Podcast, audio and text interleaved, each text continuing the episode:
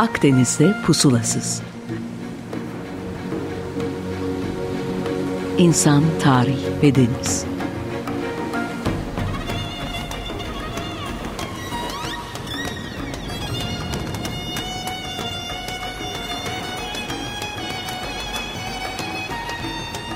Hazırlayan ve sunan Sidar Duman. 95.0 Açık Radyo'dan herkese merhaba. 15 Mart Salı ben Sidar Duman Akdeniz'de Pusulasız'da bir kere daha beraberiz. Evet bugün sizler için ilginç bir şey yaptım. Kalkıp İzmir Urla'ya geldim.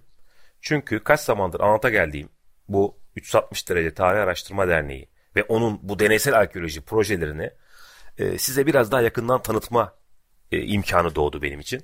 Çünkü kurucusu Osman Erkurt'u yakaladım ve e, hepimiz adına ona bazı sorular soracağım. Eğer meraklıysanız tabii ki bu konuda arkeolojinin deneyim olurmuş adlı yaptığımız diğer programı da podcast'ten bulup dinleyebilirsiniz. Evet Osman Erkurt hoş geldin. Etrafı hayal etmeniz açısından şöyle anlatayım. E, denize bir tersanedeyim. Çok eski görünümlü tekneler var. Fakat burası bir müze gibi olsa da bu tekneler çok eski gibi dursa da aynı zamanda denize atılıp seyir yapılabiliyor bunlarla. E, işte bu yüzden de biraz kafamız karıştı. Arkeolog Osman Erkurt'ta şimdi ilk sorumu soruyorum. Evet burada ne yapıyorsunuz Osman? Ee, burası tabii bizim esas üretim ve e, işin mutfağı derler ya bu, bu, bu şekilde düşünmek lazım. E, deneysellikte bu işin e, ana oturak plan, planlarını kapsayan e, esas ana unsur, esas ana kavram bu. Yani çok disiplinlik. E, neden çok disiplinlik? E, çünkü üniversite bilgiyi yayabilmek için e, ve oturtabilmek için mecrana diyelim ancak bu kavramların içini doldurarak mümkün olabilecek. Biz de e, hepimiz bunun için çalışıyoruz aslında. E, şimdi o halde benim doğru anlayıp, anlayıp anlamadığımı bir test edelim öncelikle. Siz burada çok disiplinli çalışıyorsunuz. Yani arkeolojik verileri alıp e, belki de o dönemin koşullarını e, göze, gözeterek tekrar mı bir tekne imal ediyorsunuz? Bu teknelerle tekrar mı yola çıkıyorsunuz?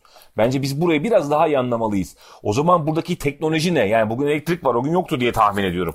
Bir, bir, biraz daha açar mısınız burayı bizim için? E, yapım ve yapım teknolojilerinin e, yan yana gelmesi ve içlerinin doldurulması ve bu, bu doluluk içinde de e, bu bilginin sunulması. E, elbette ki pek kolay olmayacak, olmuyor e, ama ne kadar ne e, düşün, düşünürsek düşünelim e, bu kaçınılmaz bir şey. Ne nokta deneysiz bilim olmaz. Deneysiz fikir de olmaz aslında.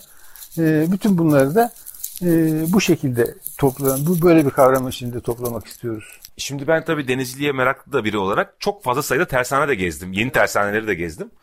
Ee, örneğin önce işte bir omurga konuyor, peşine postalar, üzerinde sargılar çiviyle çakılıyor ve tekneler yüzüyor. Bizim anladığımız kadarıyla bu zaten çok geleneksel ve eski bir yöntemdi. Yani burada tüm bunlardan daha farklı şeyler de mi yapıyorsunuz?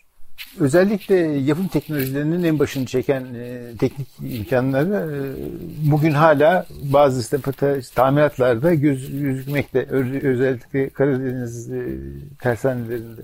Ama ne olursa olsun e, genel yapılanma bu baştan konuştuğumuz gibi. Yani önce antik çağda bir kabuk oluşturuluyor. E, bu kabuk içi boş bir kabuk. Onun içine kuvvetlendiriciler ve şey, e, ya kuvvetlendiriciler konuyor. E, bir ızgara şeklinde, konstrüksiyon şeklinde.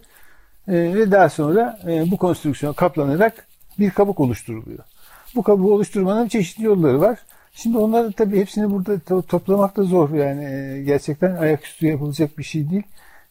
Bilgiyi çok iyi derleyip toplayıp sunmak zaten zor. Burada ayrıca zor.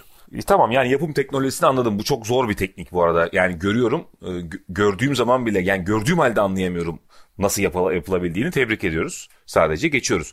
Şunu da merak ediyorum. Yine modern çağa ait bir denizci olarak Buradan kalkıyoruz ve e, navigasyon yaparak yani pusulamızı açıp ister modern cihazları kullanayım isterseniz de bizim eski kağıt haritaları kullanayım bir yerden bir yere A noktasından B noktasına gidebiliyoruz.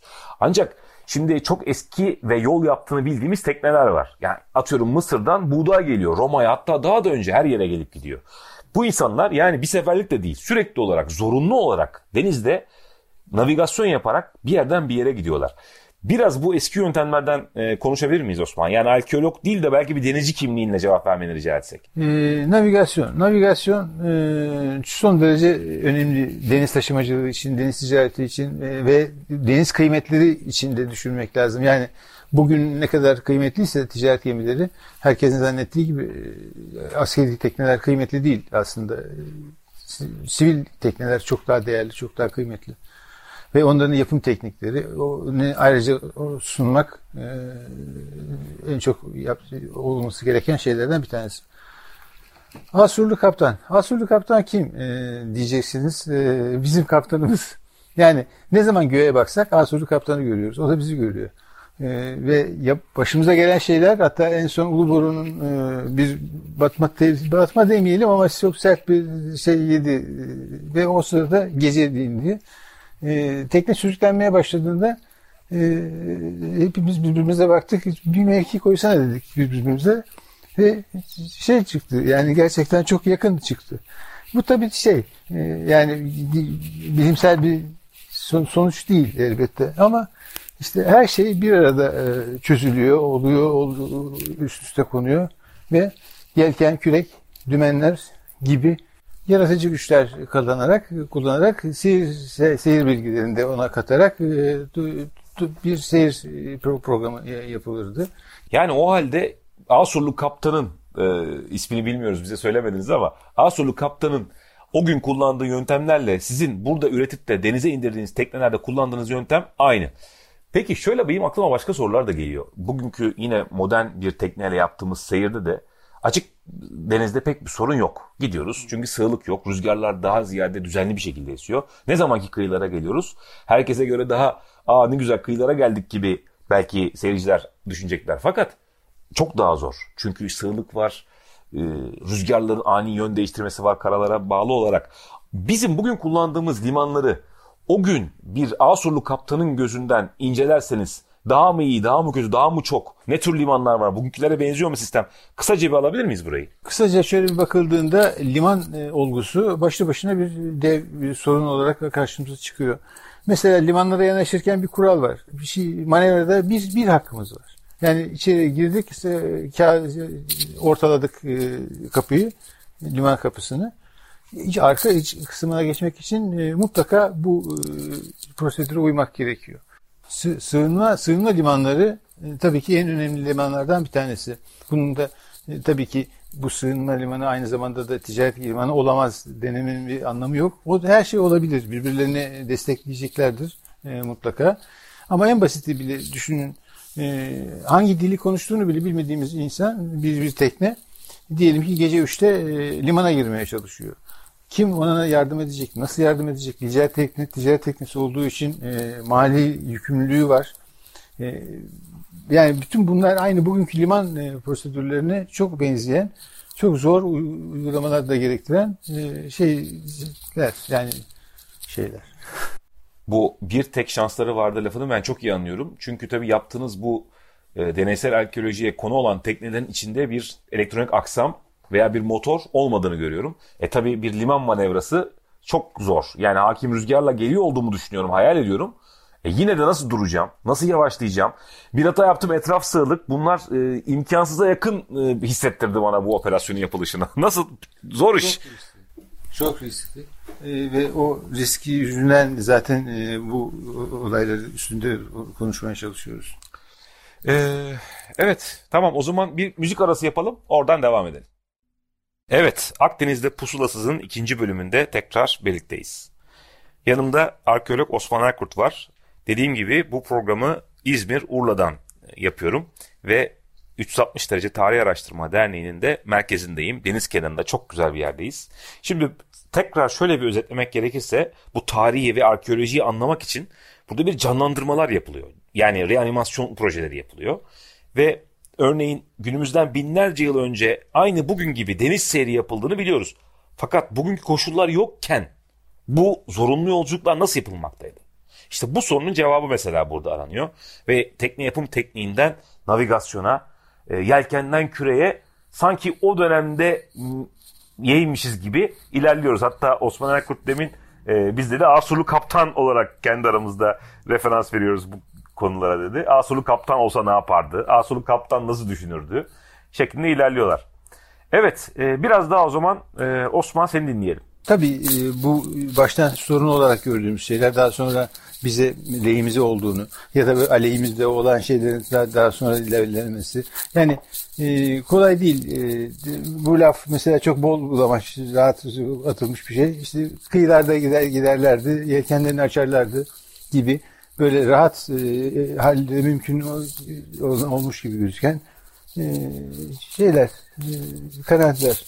Bunu, bu, bu tabii ki yaşandı ama bunun daha ötesi e, açık deniz tekneleri. Mesela Uluburun ilk açık deniz teknesi. Altı gün kara görmeden gidiyor ve sonunda İskenderiye limanına geliyor. Ha şimdi bizim bir de, bir de şeyimiz o. Hangi dille konuşur? Ee, onu da bilmek lazım. Ee, her halükarda lineer lineer B bunlar şey, kodlar ama bu kodlar yetmiyor bu şeye. Yani bu işi çözmeye. Tabii bu hangi dilde konuşurlardı gerçekten ilginç bir soruymuş. Ben daha önce düşünmemiştim. Fakat tabii aklımda başka sorular da var. Mesela bu insanların, bu denizcilerin geçirdiği bir gün. Hep bunu merak ediyorum. Esasında bir de soru cevap bölümü yapmıştık Açık Radyo'da, Akdeniz'de, Pusulasız'da. Bu soru gelmişti fakat ben esasında sana saklamak istedim. Yani bir mesela Kadırga'da uyandılar ve açık denizde Ege'de seyrediyorlar. Ya ne ne yapıyorlardı? Yani bir günü kısaca bize anlatabilir misin?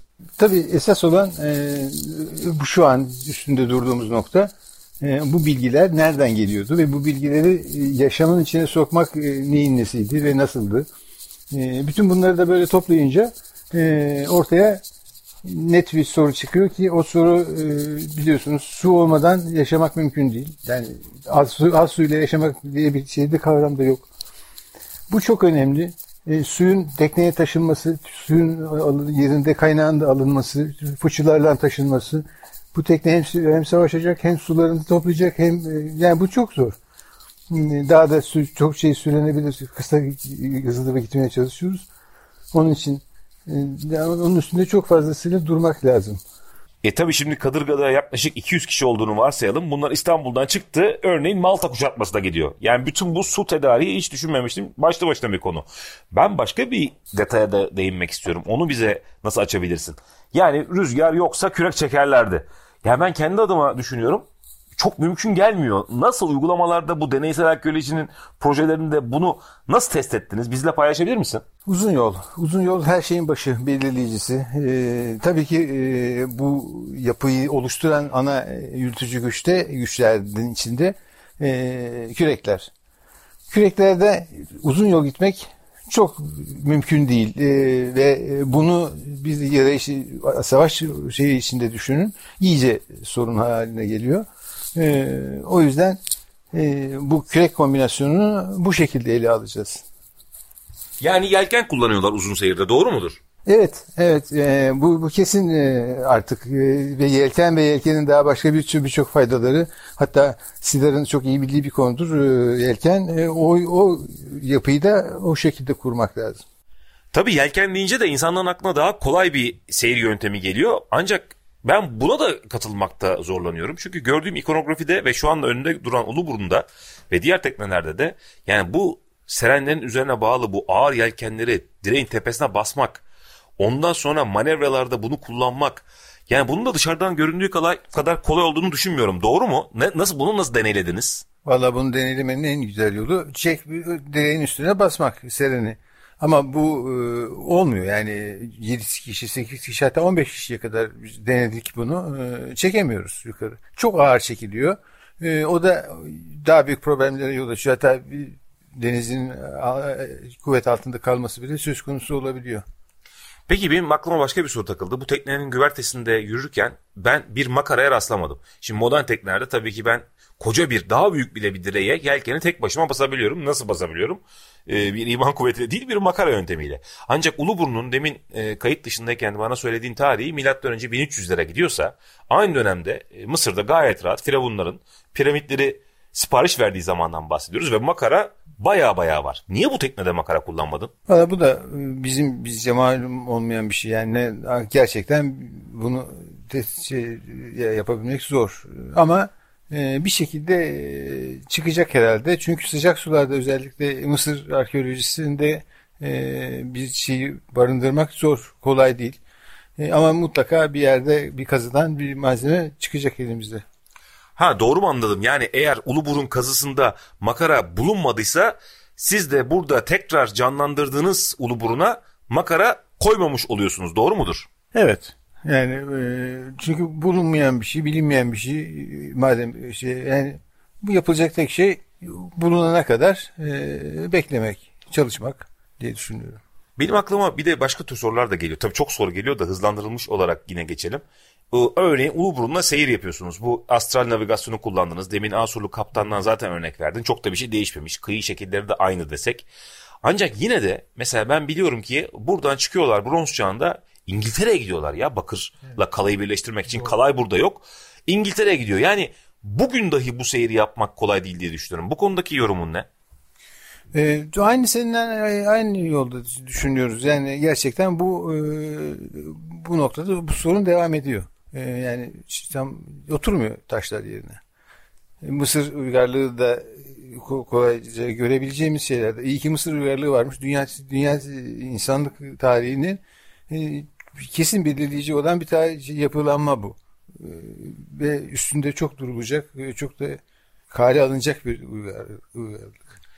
Peki bu Mısır uygarlığı demişken burada gördüğüm tekne tiplerinin şu uygarlığındır demek yerine şahsen yani arkeolog Osman Erkurt olarak bunlar Akdeniz'dindir, Akdeniz tipolojisidir demek e, doğru mu değil mi? Ne diyorsun? Valla doğru. Ee, yani bunlar e, Akdeniz'in özelleşmiş, özelleşmiş tipolojik olarak da iyi kötü artık yerine oturmuş e, tipler ve bunlara bağlı olan e, teknik e, detaylar. Yani e, Karadeniz'de e, Karadeniz'e giden bir Mısır e, teknesi dönüşünü ta Cebel Tarık üstünden yapıyor. Hatta daha ileri giderek şey Amerika'ya geçmiş. Amerika'ya. Evet. Yani Amerika kıtasına e, yıllar önce Kristof, Kristof Kolomb'dan ve şeyden Vespucci'den Öbel bu işi yapmışlar. Tabii doğru ben geçen bir makale okumuştum hatta açık radyo dinleyicileriyle ben onu paylaştım ee, ya yazıda ya da radyo programında tam hatırlayamıyorum. Bir e, mumyadan Mısır mumyasının içinden tütün çıktı. Evet. E, tütün de tabii ki bir tek Amerika kıtasında olan bir şey. Evet. E, en azından bronz çağında demek bu uygarlığın e, modern Amerika'ya gidip geldiğine, bunda tekne dışında yapabileceği bir cihaz olmadığına göre bu Atlantik geçişini yaptılar diyoruz o zaman. Doğru mudur? E, doğru hatta 1964'te Thor Heyerdahl e, adlı bilim adamı ve yarı bilim adamı yarı şey diyebiliyoruz ama belki, evet iyi bir kaşif gerçeği hak eden. E, bu konunun üstünde durdular ve iki tane teknenin bir tanesi battı bir tanesi Hudson Körfezi'ne e, girdi diyebiliyoruz. Ve oldu yani tekne parçalandı ama bitirdi yapılanmayı. Yani işte sizler gibi demek deneysel arkeolojinin e, başka neferleri de varmış bu dünyada ne kadar güzel. Evet sevgili Açık Radyo dinleyicileri bir programımızın daha sonuna geliyoruz. Akdeniz'de pusulasız gerçekten pusulasız denizde gitmiş on binlerce mil yapmış e, bir kişinin yanından size yayın yaptı bu hafta. Osman Erkurt'a burada sizin adınıza teşekkür ediyorum. Yapılan projelerin tabii ki devamını diliyoruz. Bu e, ülkem için bunu diliyorum kendi adıma da değil. Çünkü bu arkeolojinin insanla buluşması, dokunulabilir hale gelmesi özellikle sizde de geçiyorum çocuklarımız için çok önemli diye düşünüyorum. Bu hem her tarafından tarih fışkıran hem de denizle gerçekten iç içe geçen bu coğrafyanın hakkını vermek adına bu tür projelerin ilelebet gitmesini diliyorum. Bu programı kaçırdıysanız Spotify'dan tekrar izleyebilirsiniz. 15 ee, gün sonra aynı yerde buluşmak dileğiyle. Hoşçakalın.